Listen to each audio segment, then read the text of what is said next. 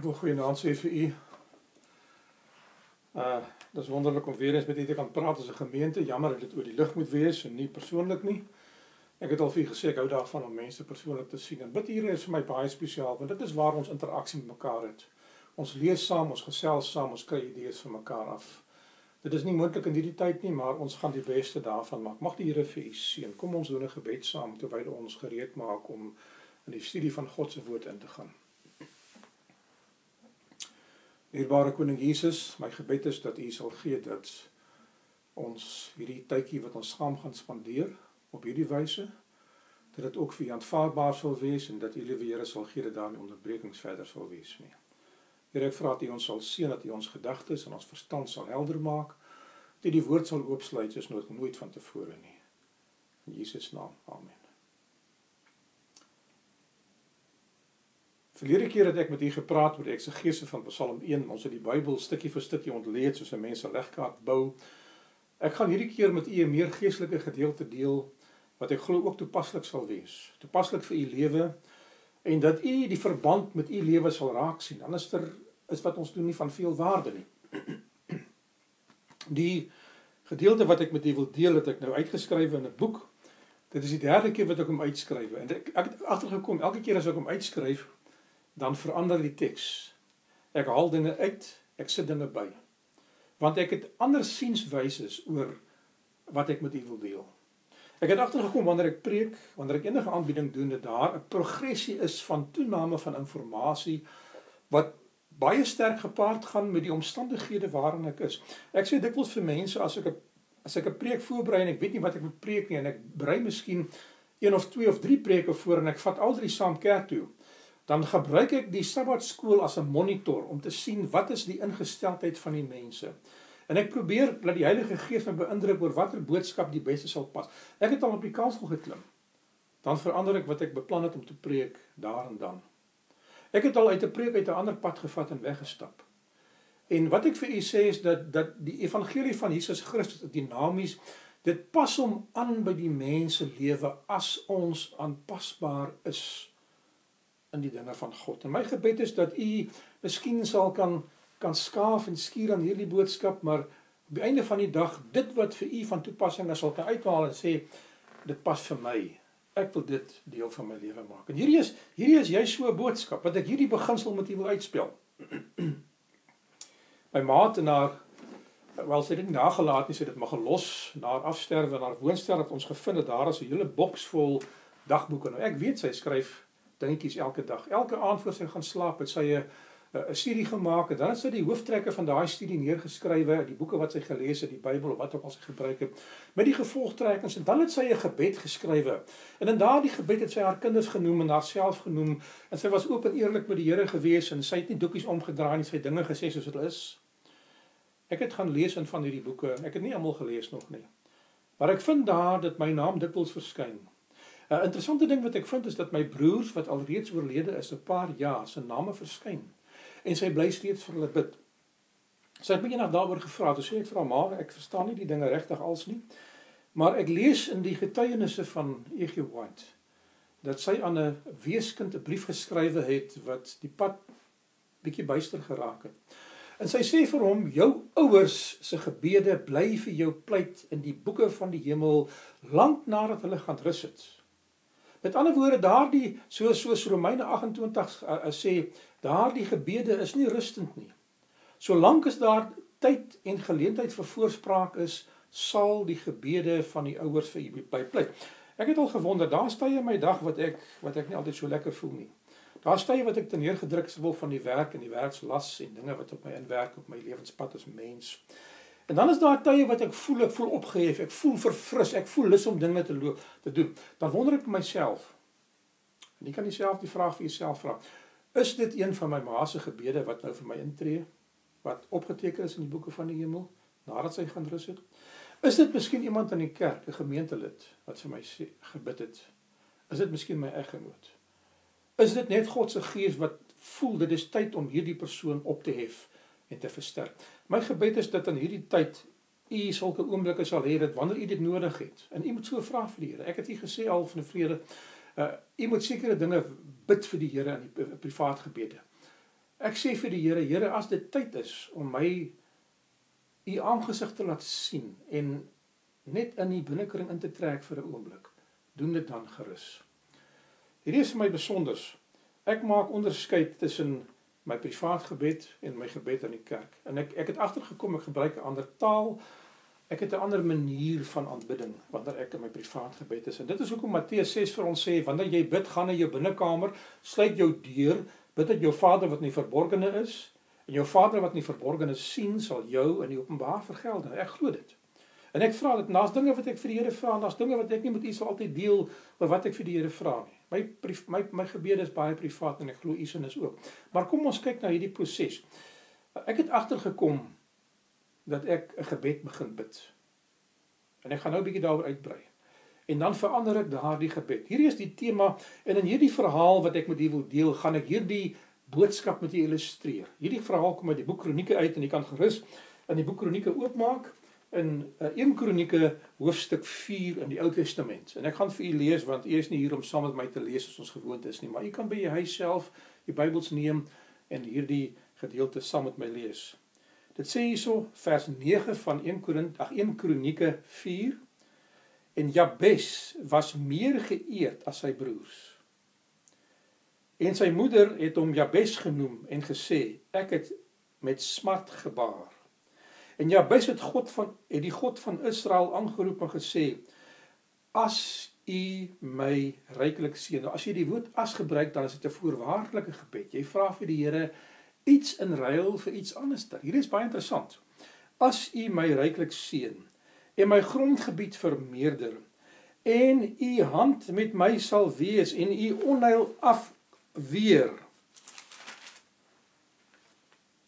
sodat my geen smart tref nie. En nou hou dit daarop. Hierdie is 'n is 'n is 'n gedeelte wat geskryf is en die gedagte is nie klaar gemaak nie. Partykeer as 'n mens onderbreek word, dan voer jy die gedagte wat jy begin het nie uit tot die einde toe nie. En die, en dit wat gesê is maak nie sin nie. Ja, bes se se se se versoek tot God word onderbreek. En dit sê eenvoudig en God het laat kom wat hy gebeur het.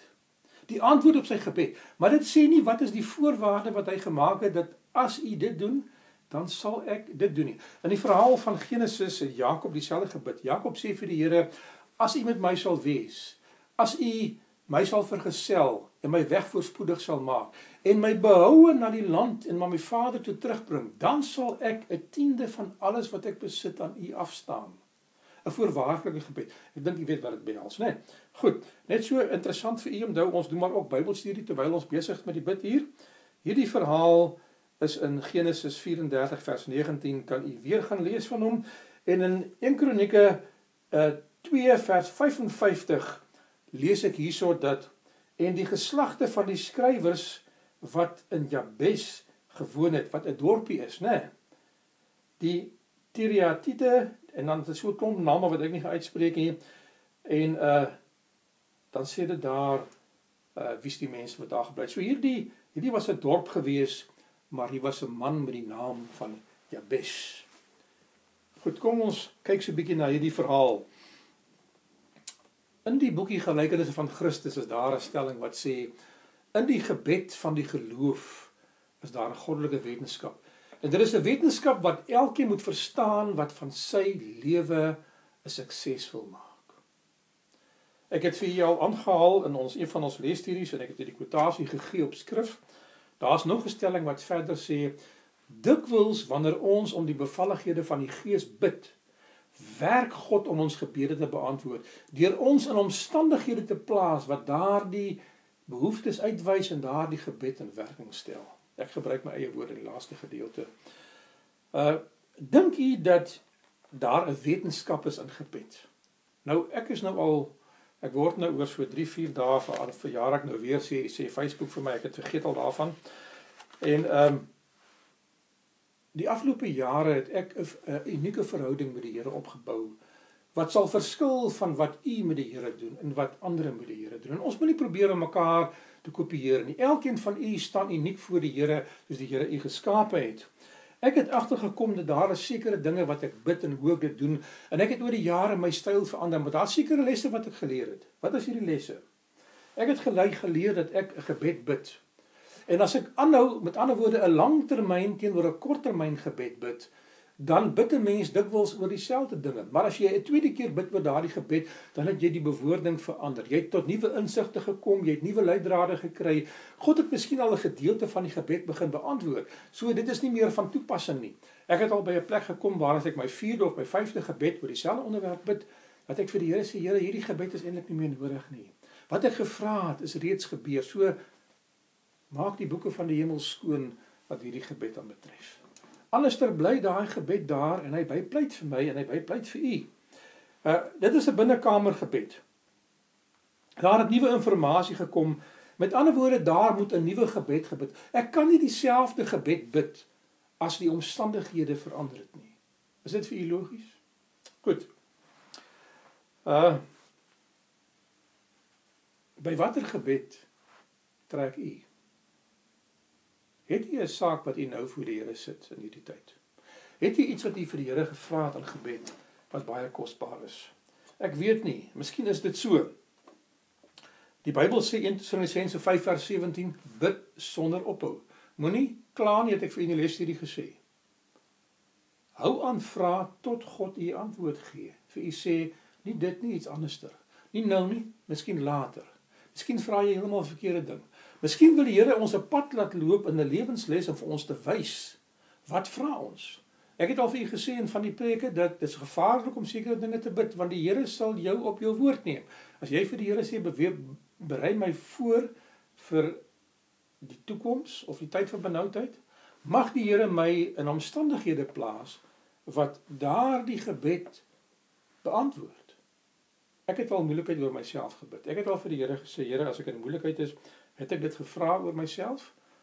Is u besig om 'n gebed te beantwoord wat ek gevra het? Kom ons kyk na Jabes. Wat sê Jabes? Uh nog nog gedagtes die Bybel sê volhard in die gebed en daar's verskeie tekste. Handelinge 1 vers 14, Handelinge 6 vers 4, Romeine 12 vers 12 sien ek hier in Kolossense 4 vers 2 en dan mag nog ander wees. Ek het nie almal uitgehaal nie. Volhard. Hou aan bid. Moenie moedeloos word nie. Moenie jou geloof versaak nie. Moenie opgee nie. Ehm um, by watter gebed trek u? Die teks van Kronieke. Die 70 jaar Babiloniese ballingskap van Juda en 'n gedeelte van Benjamin is verby. Die mense wat aan Assirië gegaan het voor die tyd het nie teruggekom nie. Daniël se profesie sê hulle gaan terugkom. Hy praat met Juda die groter meerderheid wat in Jerusalem gebly het en wat by die dinge van God gebly het. Baie belangrik. Die 10 stamme van Israel het baie afgedwaal en afgode begin dien. Hulle het op vreemde weë gegaan terwyl die mense wat in Jerusalem was, meerendeels by die dinge van God gebly het. Maar hulle het ook afvallig geword en hulle het ook die voorwaarde van die boek Jesaja het waar geword. Die Here het gesê as julle hierdie dinge doen, dan gaan julle in ballingskap gevoer word. Die boek Deuteronomium met 'n profesie gehad en ek dink ek het dit met u gedeel in een van die lesse. Waar die Here gesê het julle gaan, maar julle gaan teruggebring word wanneer die tyd daar kom. Goed. Daar was drie groepe wat teruggekeer het onder Kores, onder Darius, onder Artasasta. En dis nie baie belangrik watter deel van die groepe Jabes ingeval het nie. Die feit bly staan is hy was een van die terugkerende Jode uit die ballingskap uit. Hy kom uit 'n strafperiode uit. Hy kom na 'n nuwe begin toe waar daar niks is nie. Nou, die tyd van Esra en Nehemia is kontemporêr. Met ander woorde, dit loop parallel met hierdie verhaal van Kronieke. En in die hedendaagse uh, uh, of die heilsgeskiedenis van Israel was deur die mense in die boek Kronieke opgesom. Die boek Kronieke bevat die geskiedenis van die volk van die Here om dit terug te bring in herinnering aan hulle wat miskien nou in ballingskap dit vergeet het. Ek weet nie of hulle nie toegang gehad het tot die eerste geskrifte nie, maar hulle het besluit om vir een of ander rede die geskiedenis van die konings, die geskiedenis van Dawid en van Saul en ander dinge en daar's 'n opdeling van hierdie boek wat ek met julle kan deel as jy dit wil hê. Uh weer neergeskryf het om dit in herinnering te bring. Wat is die dinge? Die twee dinge wat belangrik is. Hulle speur die oorsprong van uh hulle geskiedenis, hulle volksbestaan na en skryf dit neer om dit nie te vergeet nie. Ten tweede, hulle wil weet wat is God se plan met hulle in die toekoms. As die Here hulle nou uit ballingskap uit terugvat en hy ontvaar hulle terug as sy volk, wat gaan hy met hulle maak? As 'n mens miskien in 'n werk uh jou werk en jou posisie verloor het as gevolg van 'n uh, wanoptrede of iets wat jy verkeerd gedoen het en jy word weer herstel in daardie amp of in daardie pos of in daardie werk wil jy graag weet wat gaan die werkgewer die werknemer verhouding nou wees voortaan is die voorwaardes soos hulle van tevore was nog steeds geldig of is daar nou nuwe reëls? Die boek kronieke probeer om daai dinge uit te sorteer. 1 kronieke 4 vers 9 en vers 10 uh het ek vir u gelees hierdie noem ek die eerste gebed nou in die boek kronieke is daar net een gebed ek gaan vir u 3 gee En ek hoop dat u sal verstaan wat ek doen. Die eerste gebed is 'n menslike gebed, 'n natuurlike gebed, 'n baie kort gebed. Ons moenie lang gebede bid wanneer ons in die openbaar is nie, maar ons privaat lewe kan ons tyd met die Here spandeer soveel as wat ons wil. Dit is 'n progressiewe gebed. Jy weet wat 'n progressiewe gebed is. Dit is 'n gebed wat van die een na die volgende ding gaan, maar soveel hy aangaan, word hy aangepas. Hy word aktueel gemaak met ons daaglikse lewens. Anderster wat help dit? Hoekom hoekom sal ek nou nog bid oor die vloed wat lankal verby is? Ek moet bid oor dinge wat nou in my tyd gebeur. Ehm uh, hierdie gebed het maklik oor sy lippe gevloei. Dit was 'n spontane gebed gewees, lyk like vir my. Dit was 'n menslike versigtiging gekoppel aan sy omstandighede, die iets iets het vir Jabes by die punt gebring waar hy hierdie gebed gebid het en ek wil nou graag dit deel. Wat het veroorsaak dat hy hierdie gebed gebid het? Iemand iemand iemand die konteks van die boek Kronieke verstaan. Die boek Kronieke is 'n boek wat wat geskiedenis gee, wat geslagregisters gee. Veral die volksbestaan moet nagespeur word. Maar in die middel van hierdie opskrywe want Jabes was een van die skrywers wat die Kronieke aangeteken het. Sit hy so in so so tussenwerpsel, so invoeging hier uh tussen die dinge in wat nie pas by die res wat voor en wat agter gaan nie so invoeging. So wanneer ons wanneer ek baie keer skryf, dan sit ek ietsie in hakies om iets te verduidelik of om net net 'n gedagte wat in my opgekom het met u te deel. Die gebed van Jabes is 'n gedagte wat nie by die res van die boek in Kronieke pas nie. Hy is uit plek uit. Maar wat sê hy? Hoekom doen hy dit? Wat wat beweeg hom om dit te doen? Hoe sê hy dit? Wie het almal invloed by God? Goed. In hierdie gebed roep hy die God van Israel aan. Hy identifiseer homself met die God van die terugkerende Israel. So hy identifiseer homself met God, die Elohim wat hier gebruik was in die Hebreëse teks. En hy identifiseer hom met die oorblyfsel, die stam van Juda en 'n gedeelte van Benjamin vermoed ek wat deel van hierdie groep was. Goed. Uh die drie enige God terloops as u belangstel in die godheidsleer. Nou, ek kan nie help om hierdie dinge uit te wys nie. Dit is weer 'n parentese wat ek insit vir u. Net so interessant. Ek is besig om hierdie dinge op te let. Die, die die manier wat ek die Bybel lees het verander nadat ek 'n studie oor die godheidsleer gemaak het. En die manier wat ek nou bid het verander nadat ek 'n studie oor die godheidsleer gemaak het. En dit illustreer vir my weer eens in my eie praktiese lewe wat ek met u wil deel vandag is dat u lewe en u gebed en u alles sal verander as u met God 'n ontmoeting het. Dit moet verander. Ek dink aan die stelling wat sê in die boekie Mind Character Personality sin affects the entire being but so does grace. As die Here in u genade in u ingekom het in die lewe, dan sal alles toepaslik wees en dit sal verander. Die God van Israel. Uh hy is nog 'n aanspraakmaker. Uh hy wil weet wat gaan God met sy volk doen? en hy wil deel wees daarvan. En ek dink hierdie is die gedagte toe hy die geskiedenis van Israel bestudeer, het hy God se plan wat onderbreek was. Want dit was 'n voorwaardelike plan gesien. En hy wonder by homself die plan wat God nou het as ons nou terugkeer, wat gaan dit wees? En hy sê vir homself, hy maak 'n besluit in sy hart, ek wil deel wees van daardie plan. Wil u nie deel wees van God se laaste plan vir sy kerk op aarde nie. Miskien sal die Here maak dat u 'n gebed begin bid wat anderster is as die gebede wat u tot dusver gebid het. Omdat u sien, dit is moeilik om met iets te identifiseer as jy nie deel daarvan is nie. As ek by 'n vreemdeling instap, sal ek nie met daardie vreemdeling sommer 'n gesprek begin. Dit is my persoonlikheid. Ek is nie so nie. My vrou is anders. Sy sal dit doen. Maar as ek in iemand se guns wil wees, sal ek daardie persoon graag wil leer ken. Ek sal nie vyhandigheid tussen my en God wil hê nie. So ek moet met God identifiseer. Dis hoekom ek dit uitspel. Hoe identifiseer 'n mens jouself met God? Jy bring jouself in lyn met God. Onthou, God gaan nie na ons vlak toe afkom nie. Hy kom af om ons te kom red, maar sy standaard word nie gesak nie. Ons moet na God se standaard toe opgaan om by sy standaard aan te pas as ons met hom bemoeienis bemaak. Uh jy kan nie dinge vir God vra of vir iemand vra as jy met daardie persoon in kwaai vriendskap is nie. So voordat Jabes hierdie gebed moet bid, het ek vermoed moes hy sy saak met die Here reggemaak het. Dis wat hy aflei hierdie geskrifte wat hy nou oorskrywe. Uh wie? Jabes. Hy was 'n geskiedskrywer, hy was een van hulle. Hy sien iets in die geskiedenis en maak of hy reageer daarop. Hieruit kom 'n gebedsversigtiging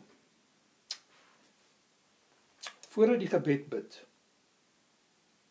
moet hy homself in lyn met God bring en as hy 'n stap verder wil gaan want hierdie boek handel oor die volk van Israel moet hy homself in lyn met die kinders van Israel bring hy moet met hulle identifiseer geliefdes wat ek vir u sê is dat u kan u kan 'n persoonlike verhouding hê wat privaat is en wat nie die kerk insluit nie maar dit sal nie dieselfde wees nie As u met God identifiseer, moet u met die volk van God en met die kerk van God identifiseer. So u moet vrede maak met die kerk as u nie vrede met die kerk het nie. U moet vrede maak met uself.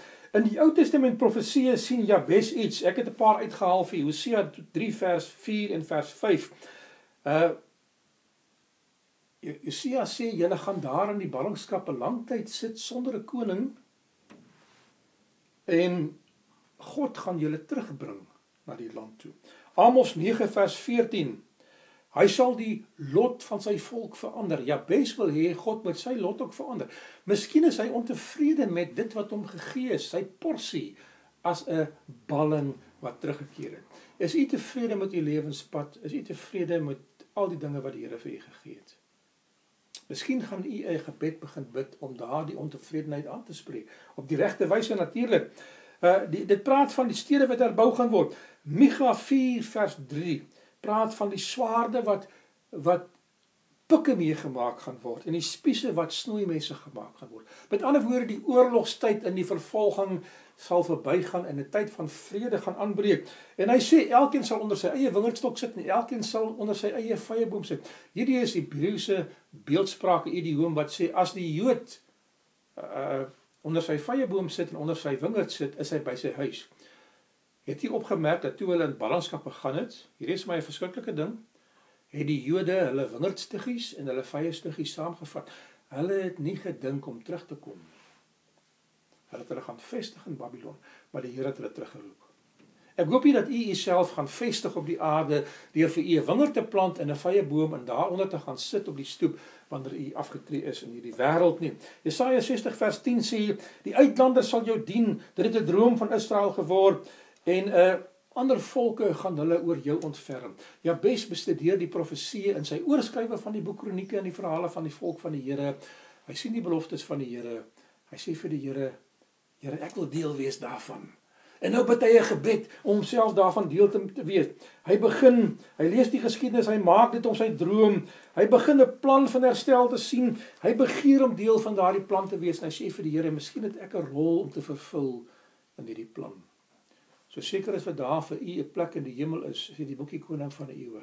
Is daar vir u 'n plek op aarde wat God wil hê u moet vol staan en vir hom moet werk. Mag u daardie plek vind en mag u weet hoe om dit te vind ons uh ons moet ook na God se plan vir ons lewens kyk. En daardie plan kan begin by 'n gebed, 'n versigtiging. Here, dit is wat ek vra. Elke projek wat ek aanpas, begin met 'n gebed in my persoonlike lewe. En ek glo dat u as u met die Here 'n pad begin loop het op die lewenspad en baie van u het al baie ver gevorder uh kan sekerlik getuig daarvan dat elke projek wat u aanpak nadat u die Here gevind het, met hom begin met gebed. Wat is jou beste gebed? Uh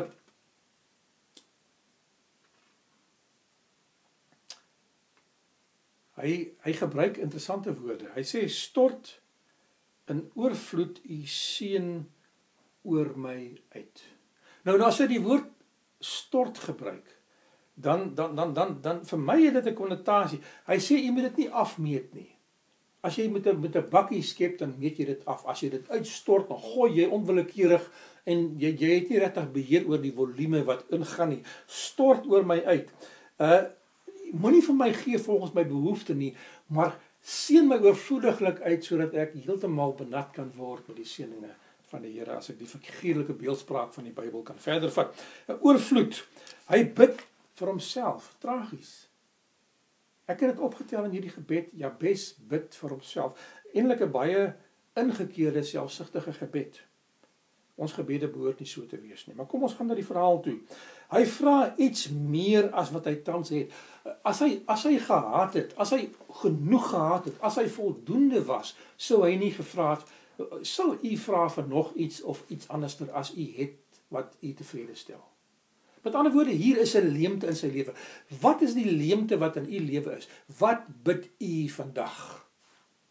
Want weet bietjie u gebede en kyk, as u nie weet wat dit is nie, kyk wat bid u.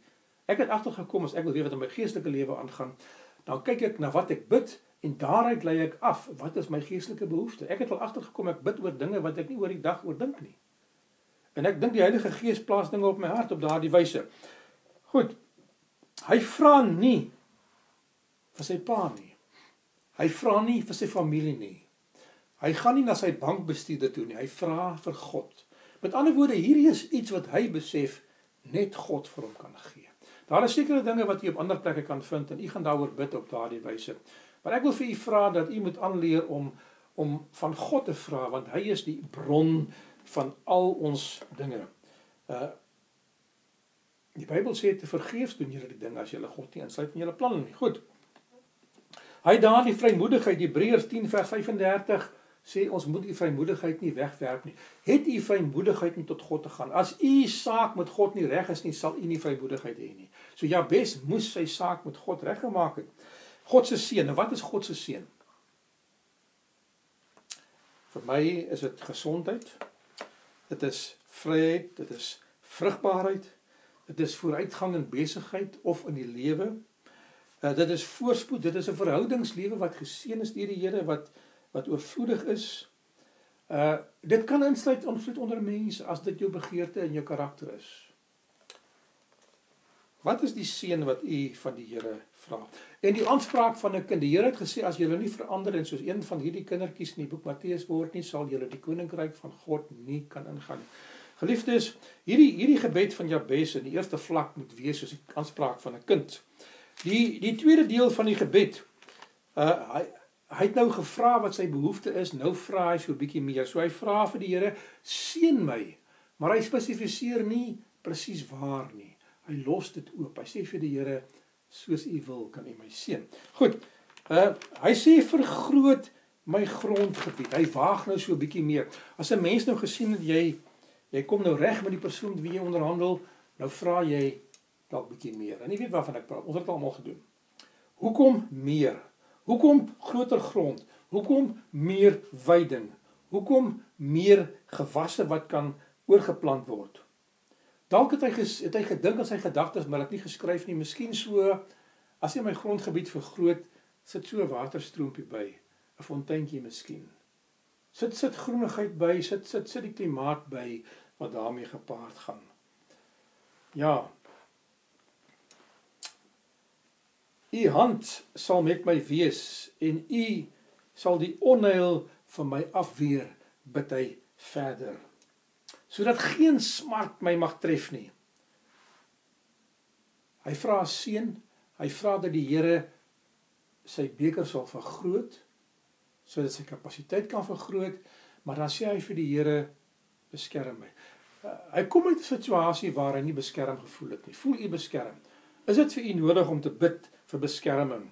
Uh dat die Here 'n laar engele rondom u moet plaas, soos die psalmis vir ons sê. Nou nou die Bybel sê baie eenvoudig as die Here met ons is, wie kan teen ons wees? Hy sê eintlik vir die Here in in in my eie woorde, gaan saam met my waar ek gaan. Trek op saam met my, raak betrokke by my lewe sodat ander u kan sien en my nie kwaad kan doen nie. Wie kan my kwaad aandoen as ek naby die Here staan? As ek saam langs 'n groot ou staan en ek is 'n klein mannetjie wat geboelie word deur die ander mense, dan is ek veilig. Is die Here aan u sy op hierdie stadium? Gaan u saam met die Here soos 'n skild wat onheil afweer. 'n Skild is iets wat jy gebruik om dinge weg te te terug van jou. Uh die diewe wat inbreek en steel. Ons lewe in 'n tyd wat die kriminele hand uitdruk. En hulle doen allerlei dinge om by die besittings van mense uit te kom want hulle is mense wat nie wil self werk nie. Miskien is daar nie werk vir hulle. Ek wil nie mense veroordeel nie. Maar om iets wederregtelik te vat van iemand anderster omdat jy dit met geweld kan vat, is nie voor God iets wat reg is. Die Bybel sê baie duidelik jy mag nie steel nie. Mense wat ons kwaad aangedoen het, het jy al vir die Here gebid soos Dawid gebid het? Dawid se gebede is baie verskriklik.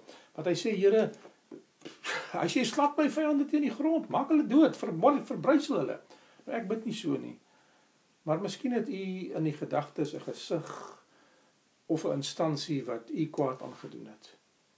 En dan sal u miskien in die gebed insluit: Here, bewaar my teen sulke dinge in die toekoms. Here, hou die sprinkane van my boerdery af weg. Hou die haal weg. Hou die pessiektes van my vee weg. Uh, gee dat die ekonomiese rampe my nie sal oorval nie. Dat ek nie in 'n oorlogssituasie sal beland of dat die politiek van die land my te na sal kom nie. Ek dink baie oor die politiek van die land en ek gaan nie met die polities praat nie, maar ek sien verskriklik baie onregte. Maar ek weet my burgerskap is in die hemel, daarom gaan ek my nie daarmee bemoei nie. Maar ek bid daaroor.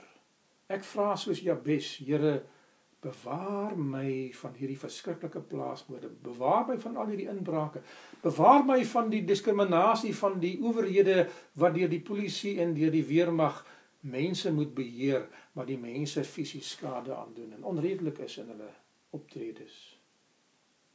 Dit is vir my hartseer as ek verhale sien op die internet van die mense wat ons moet beskerm wat vir ons te nakom. Omdat ons miskien in 'n sekere kleurgroep of van 'n sekere kultuur behoort. En ek hoop nie dat hierdie die deel van die gebed is wat u nou sal raak sien en sal uitlig nie. Maar ek weet waar u is, bid u oor hierdie dinge. Ek hoor baie baie teorieë oor hierdie virus en ek wil nie daar gaan vandag nie. Miskien bid jy daaroor. Goed. Smart, iets onvoorsien wat 'n skade wie op ons plaas. Het u smart in die lewe wat u Hy sê uh, in in in by implikasie sê hy vir die Here keer my uh om nie hierdie onheil oor myself te bring. Dit is wat ek bid in my gebed wat nou al oor jare geformuleer is. Het ek nou al geleer. Ek moet vir die Here vra. Daar's dinge wat van buite af inkom op my lewe wat my beïnvloed en my benadeel. Maar daar's dinge wat ek doen wat vir myself benadeel. En ek bid, ek doen dit. Ek vra vir die Here beskerm my daarvan. Bewaar my ingang en my uitgang soos die psalme sê. Jou ingang en jou uitgang sal ek bewaar. Hy sê keer my as ek iets verkeerd gaan doen. Stop my as ek iets verkeerd gaan doen. Wys my maak die deure oop en maak die Here toe. Ek het vir u gesê aan die begin dat hierdie gebed kan gevaarlik wees. Bid u so vir die Here of is u bang om dit te bid? Ek het al vir die Here gesê, Here, u het die deur oopgemaak, maar as hy nie moet oop wees nie, maak hom toe en die Here het deure toegemaak op my lewe. So gever is Jabes se gebed gefokus op dit wat God doen. En ek wil graag daar klem plaas. Ek sien nêrens in hierdie gebed wat Jabes gaan doen nie, want hy begin met as u dit gaan doen. So daar is 'n voorwaarde verbonde, maar hy skryf nie wat die voorwaarde is nie. So ek verstaan nie wat is die probleem wat hy het nie. Dit is 'n halwe gebed. Hy sê nie wat hy in ruil daarvoor gaan doen nie. Die verantwoordelike gebede uh uh as ek in sy menslikheid kan praat met u. 'n menslike komponent. Ek noem dit die eerste gebed van Jabes. Hy vra vir homself. Dit is baie eensydig wat God vir hom moet doen. Hy sluit miskien later aan ander mense in sy gebed in by implikasie. Maar dit is nie wat in hierdie gebed geskryf was nie. Hierdie is nie 'n modelgebed nie, maar ek wil hierdie gebed gebruik as 'n vertrekpunt om iets met u te illustreer wat ek dink belangrik is. Ehm um, die tweede gebed van Jabes is nie in die Bybel geskryf nie. Ek wil met u die tweede gebed en die derde gebed kortliks ook behandel. Dan gaan jy begin verstaan dat God is betrokke by ons lewens. Nou doen God dit. Die Bybel sê in vers 10 en God het dit gedoen. Alle woorde God het sy gebed beantwoord. Is daar ek het 'n bestadium 'n boek gehad waarin ek die gebede wat die Here beantwoord het oor langtermyn beantwoord het. En in baie van my boodskappe deel ek met u hoe die Here vir my my gebede beantwoord. Daar is ook gebede wat nie beantwoord was nie. Dit deel ek nie so graag met mense nie. Maar ek gebruik hulle as lewensles om te kyk wat is die God se plan? Hoe werk hy met die mens? Ehm uh, Ek noem hierdie nou die deel wat ek nou met u begin Jabes 2. Die tweede gebed van Jabes wat nie in die Bybel is nie. Sy grondgebied is vergroot. Met ander woorde, hy benodig nou meer vee. Wat help dit hy het grond en hy het nie vee om daarop te wandel nie of te wy nie. Wat help dit hy het grond en hy het nie plante om daar te plant nie. So hy vra vir die Here, ek soek meer gewasse om dit te doen. Nou as hy sy grondgebied vermeerder en hy plant meer en hy het meer vee van selfspreekend dat hy meer mense nodig het om te werk. So hy gaan nou begin bid en vir die Here sê Here ek kort nou mense om my te help om hierdie vergrote grondgebied te bewerk. Here ek kort nou 'n paar osse. In ons taal sal ek gesê het ek kort nou 'n trekker of 'n dorsmasjien om tred te hou met die gewasse wat nou verwerk moet word. As hy meer mense aanstel en dit in sy gebed insluit, gaan hy moet meer opsieners opstel of toesighouers of voormanne. As ek mense aanstel in my diens, dan gaan ek vir die Here bid en sê Here, stuur na my toe mense wat betroubaar is.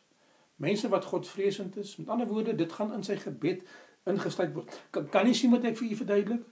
Jabes se gebed na sy eerste gebed sal moet verander as die Here hom begin seën.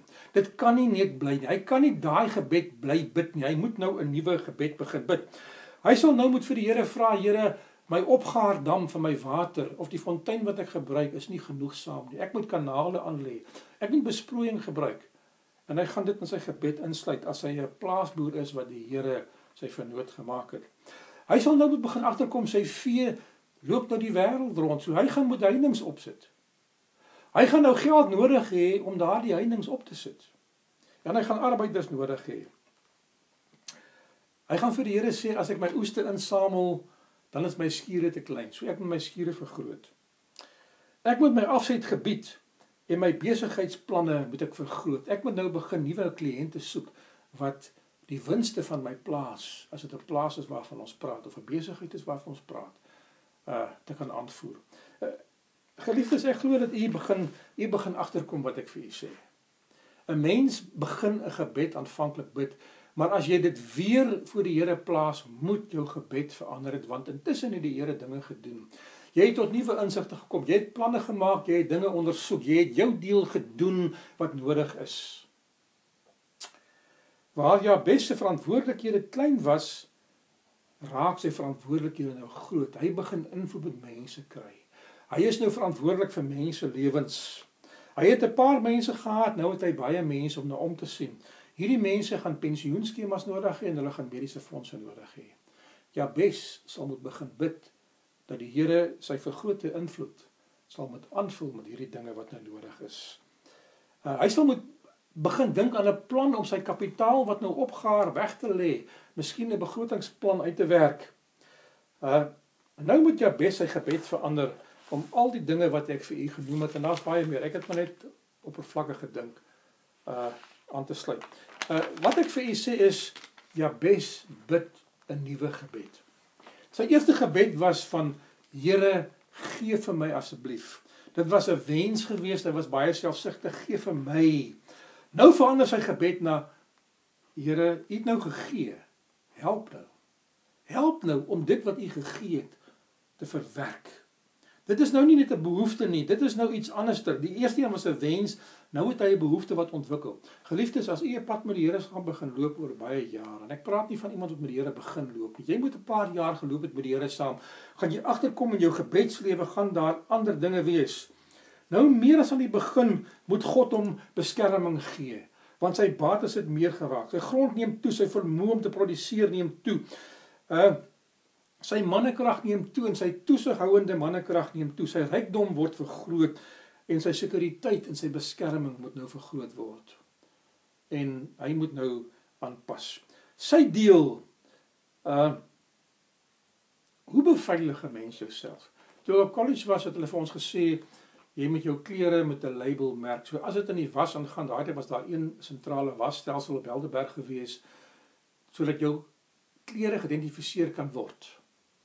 Ons skryf nommerplate op ons karre. Ons gee uh, ons sit hekke op ons huise en die weerings aan ons vensters. Ons beveilig onsself. Daar is 'n deel wat ons kan doen. Ons kan bid en vra vir beskerming, maar daar is 'n deel. Hy het heininge wat hy moet oprig. Hy het skure wat hy moet bou. Hy moet uh uh mense aanstel om toesig te hou. Hy moet mense aanstel om te kontroleer wat sy aankope moet wees. Hy moet 'n sekuriteitstelsel hê. Hy moet aan die einde van die dag by 'n plek kom waar hy baie dinge gaan doen.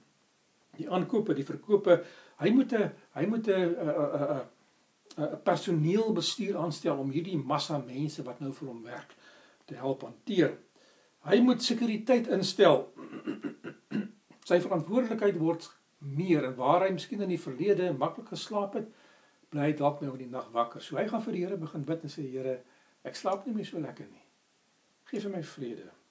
As 'n mens iets bid en God raak betrokke, moet jou gebed aangepas word by die verandering wat nou in jou lewe gebeur. Dit is wat ek ervaar. Dis wat ek met u deel. Ek deel uit met u my ervaring en toevallig sien ek in die Bybel 'n verhaal wat aanklank vind in 'n sekere mate by wat ek met u wil deel. As God by jou lewe betrokke raak, moet God jou verander. Jy kan nie bly soos jy is nie. God sê kom na my soos jy is, maar ek sal jou verander. As die Here jou verander, sal jou gebed moet verander om aan te pas by die veranderinge wat die Here in jou in jou lewe bewerkstellig. Geliefdes, ek hoop jy gaan dit sien. As u van Sabbat na Sabbat 'n saak voor die Here plaas en dit bly dieselfde, beteken dit daar is nie groei nie, beteken God is nie betrokke by jou lewe nie. U gebed moet verander. Wat gebeur as 'n mens in 'n vennootskap aangaan? Kom ons deel hierdie deel met u. Iemand anders se bates word nou deel van u party. Kom ek noem dit uh, Jabes nommer 3. Sy gebed het nou al twee keer verander. Nou moet sy gebed weer verander want hy gaan nou in vennootskap by die Here. Die Here bring sy bates as deel van die projek van Jabes. Die Here uh, uh, het nou 'n werksplan en hy het werksreëls en hy gaan daardie werksreëls in die program insit. Hy sê as ek en jy vennoote is, dan is daar 'n paar dinge wat ek op hierdie wyse gedoen wil hê. So ek gaan nou help met die reëls. Ons gaan 'n kontrak maak as ons 'n vennootskap gaan. Maar die voordeel vir jou daarvoor is dat my vriende is nou jou vriende. My besigheidsvennote is nou jou besigheidsmense. Met ander woorde, die sirkel waarin jy beweeg word nou vergroot. Die sosiale plekke waar ek beweeg, sluit nou my vriende in, so dit gaan nou jou vriende word. Sy finansiële hulpbronne. Ek het ek het rekeninge en beleggings op ander plekke. Ek kan dit inploeg in hierdie besigheid inhou want ons is nou vennote. So jy het my finansiële voordeel. Jy het die, die die ek het 'n infrastruktuur van mense en mannekrag en stelsels wat in plek is. Ek maak dit deel van jou besigheid as vennoot. Met ander woorde, jy het toegang tot al hierdie dinge. Kan sien wat gebeur? As die Here in 'n mens se lewe inkom, maak hy jou betrokke by baie dinge waarby hy betrokke is. Hy plaas mense in jou bereik wat vir jou kan help sy invloed en sy naam, die reputasie van die Here in hierdie geval wat die vernoot word, word nou deel van die magtiging van jou maatskappy, van jou boerdery. Jy kan nou sê ek is in vennootskap met Jesus, met ander woorde ek het nou 'n voordeel by mense. Geliefdes, God sal sy gesindheid en uh sy betrokkenheid by mense, sy verhouding met mense lewens Eh, sal hy inwerk in sy besigheid in. Hy sal 'n sekere bestuurstyl inwerk. Sy menseverhouding, hoe hy met mense werk, hoe hy mense aanspreek, hoe hy genade betoon. As u met die Here in vennootskap gaan, sal die Here sekere Christelike, goddelike elemente in u lewe begin inbou wat deel van u lewe sal moet word. En u sal dit kan agterkom en u sal daaroor bid. Jabes was klein, maar God maak hom groot. Maar nou moet Jabes klein word sodat God kan groter word. Dit is 'n natuurlike gevolg. Hoe groter jy in God is, hoe kleiner sal jy in self wees, want jy sal afhanklik van die Here word. Jy sal agterkom dat jy kan nie alles bewerkstellig nie. God wat betrokke word. God is betrokke by Adam en Eva se lewe en hy vra vir hulle seun Kain, "Waar is jou broer Abel?" God raak betrokke in Saul se lewe wat hy aangestel het. Hy sê vir hom: "Wat 'n geblær van skape en beeste is dit?" Nadat ek vir jou 'n opdrag gegee het. God raak betrokke by Elia en hy vra vir hom Elia by die berg Karmel, "Wat maak jy hier? Het jy nie 'n plek waar jy moes werk nie? Hoekom is jy hier waar jy nie moet wees nie?" Die Here vra vir Paulus, "Saul, Saul, waarom vervolg jy my?"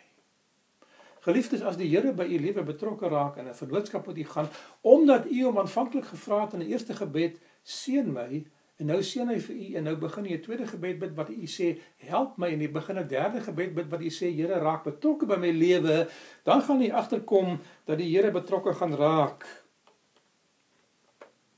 En u sal 'n nuwe gebed moet begin bid om die betrokkenheid van die Here te verstaan. Ek het al gebid om te verstaan wat die Here met my lewe doen. Wat sal u derde gebed wees? Ek kom ek vra vir 'n ander vraag. Hoeveel transformerende dele sal u gebedslewe met God hê?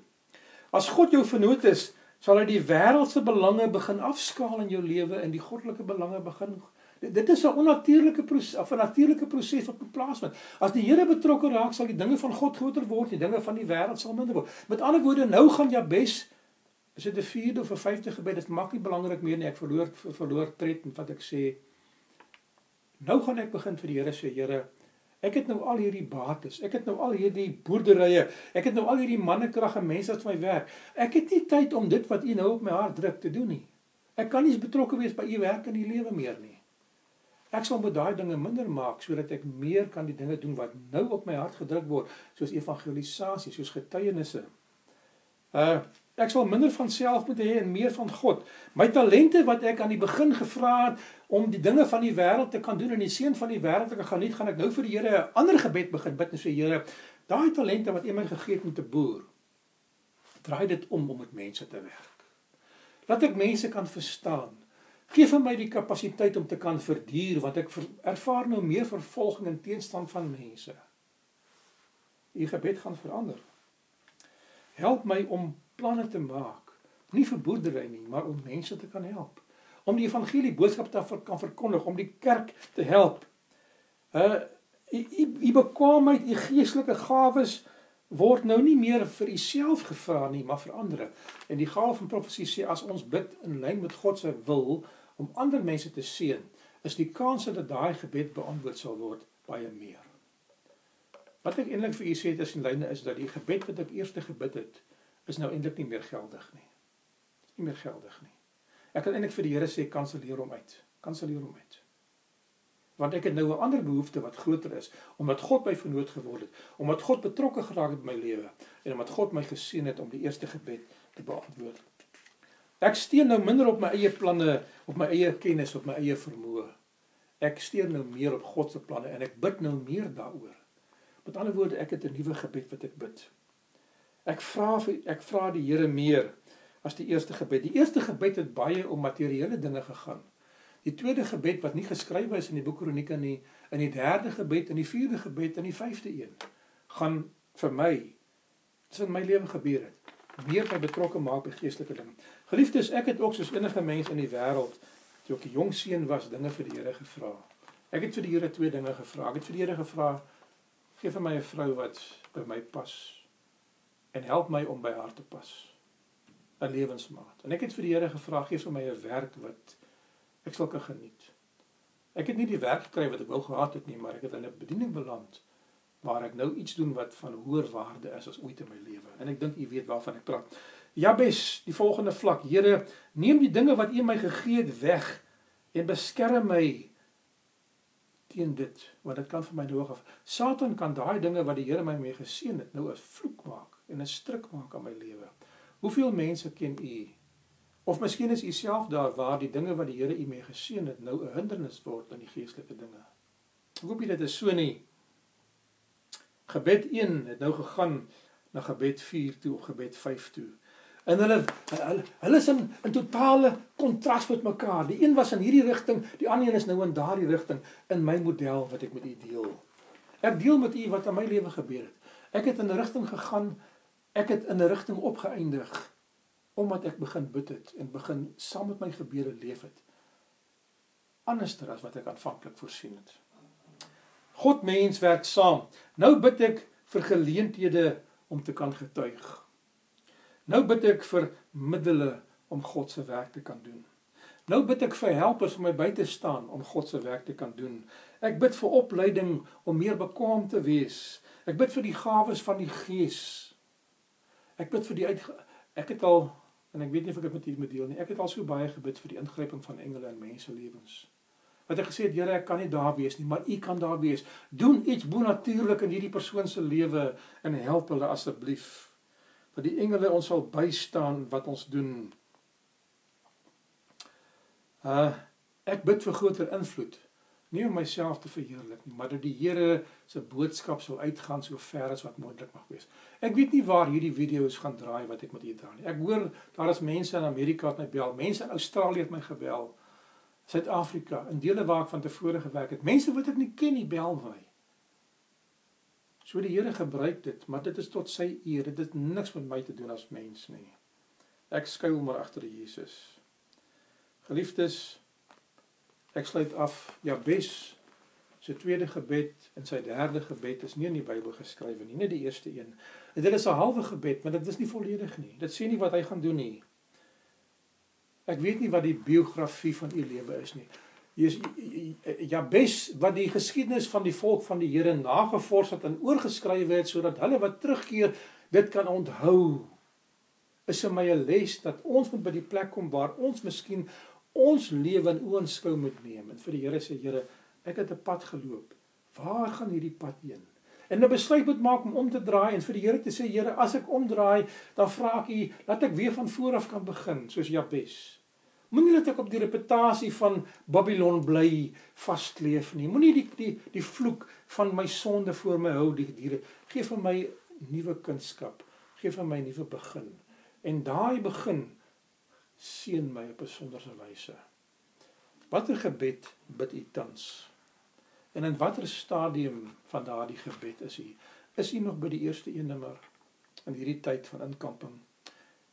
Het u dalk opgehou bid? omdat u moedeloos geword het. Bid u, maar u verwag nie daar gaan iets gebeur nie. Ek ek hoop dat u sal met geloof en met vertroue die troon van genade kan gebruik. Ek vind uit dat ek nou meer bid as ooit in my lewe. En ek wil nie met u deel die dinge wat ek bid nie. Ek het baie behoeftes Geliefdes, een ding wat ek vir u kan sê is dat my prioriteite word geweldig afgeskaal op die oomblik deur God. En my belange word absoluut tot stilstand gebring. En die dinge van God word so voor my vergroot ek nie nagte nie slaap nie. Ek sit baie nagte as u slaap, miskien uh, ek verstaan baie van julle slaap nie, maar as julle slaap, dan werk ek. Ek rus ook. En ek vra vir die Here om daai periodes van rus en van werk om te ruil dit nou. Daar is 'n behoefte vir die kerk wat ek nie 'n antwoord vir nie. Ek moet ek moet vir die kerk 'n plan plaas. Ek het vanmôre met mense gesels, een van die ouderlinge oor die planne van ons om in die toekoms meer betrokke by u te wees. Hoe kan ons die media inspann om meer met u te praat? Miskien met u van aangesig tot aangesig in gesprekke te wees as groepe, as huisgesinne. Ons gaan nog met u daaroor praat. Geliefdes, dit is dit is deel van my gebed wat ek bid. Ek bid 'n gebed wat ek nie 'n antwoord vir het nie. En ek vra dit voor die Here. My vraag vir u is eenvoudig. U het nou 'n klein deel van Jabes se gebed in die Bybel ontdek. Wat is u gebed wat u bid? En u hoef dit nie met my te deel nie. Maar gaan en gaan bou daardie gebed na 'n tweede gebed toe waar u gebed sal verander volgens die behoeftes volgens die betrokkenheid van die Here. En as u die dinge begin sien gebeur dat u nie sal groot word in jouself nie, maar kleiner sal word en God sal groter word. Maar dat u met daardie vreugde sal gaan slaap. Daar is niks wonderliker as jy agterkom die Here is betrokke by jou lewe nie. Mag die Here vir u seën. Ehm um, as u wil waar u is as groepies, as gesinne miskien of as individue. Neem 'n paar oomblikke en bid tot die Here. En miskien in steede van om die gewone gebed te bid wat jy elke dag bid of wat jy oor al die dinge bid wat jy gewoonlik oor bid, bid 'n nuwe gebed. Wat jy dit wat die Here op die hart gedruk het nou as 'n behoefte voor hom sal plaas. En volg daardie gebed progressief op om te kyk hoe hy gaan verander. U gaan agterkom dat die gebed wat u vanaand bid en die gebed wat u volgende Woensdag aand sal bid, gaan nie dieselfde wees nie. En dit sal beteken dat die Here betrokke geraak het by u lewe. Mag die Here vir u seën. Kom ons sluit af met 'n gebed. Dierbare koning Jesus, leer ons om te bid.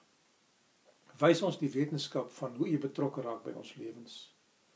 Help ons om as dit nodig is, ons gebede aan te pas om te pas by die omstandighede waarin ons nou bevind. En help ons liewe Here om so te beweeg dat ons by die plek uitkom waar U vir ons uiteindelik wil hê en ons kan gebruik en ons bruikbaar kan wees. Here, ek bid dat U U volk sal seën.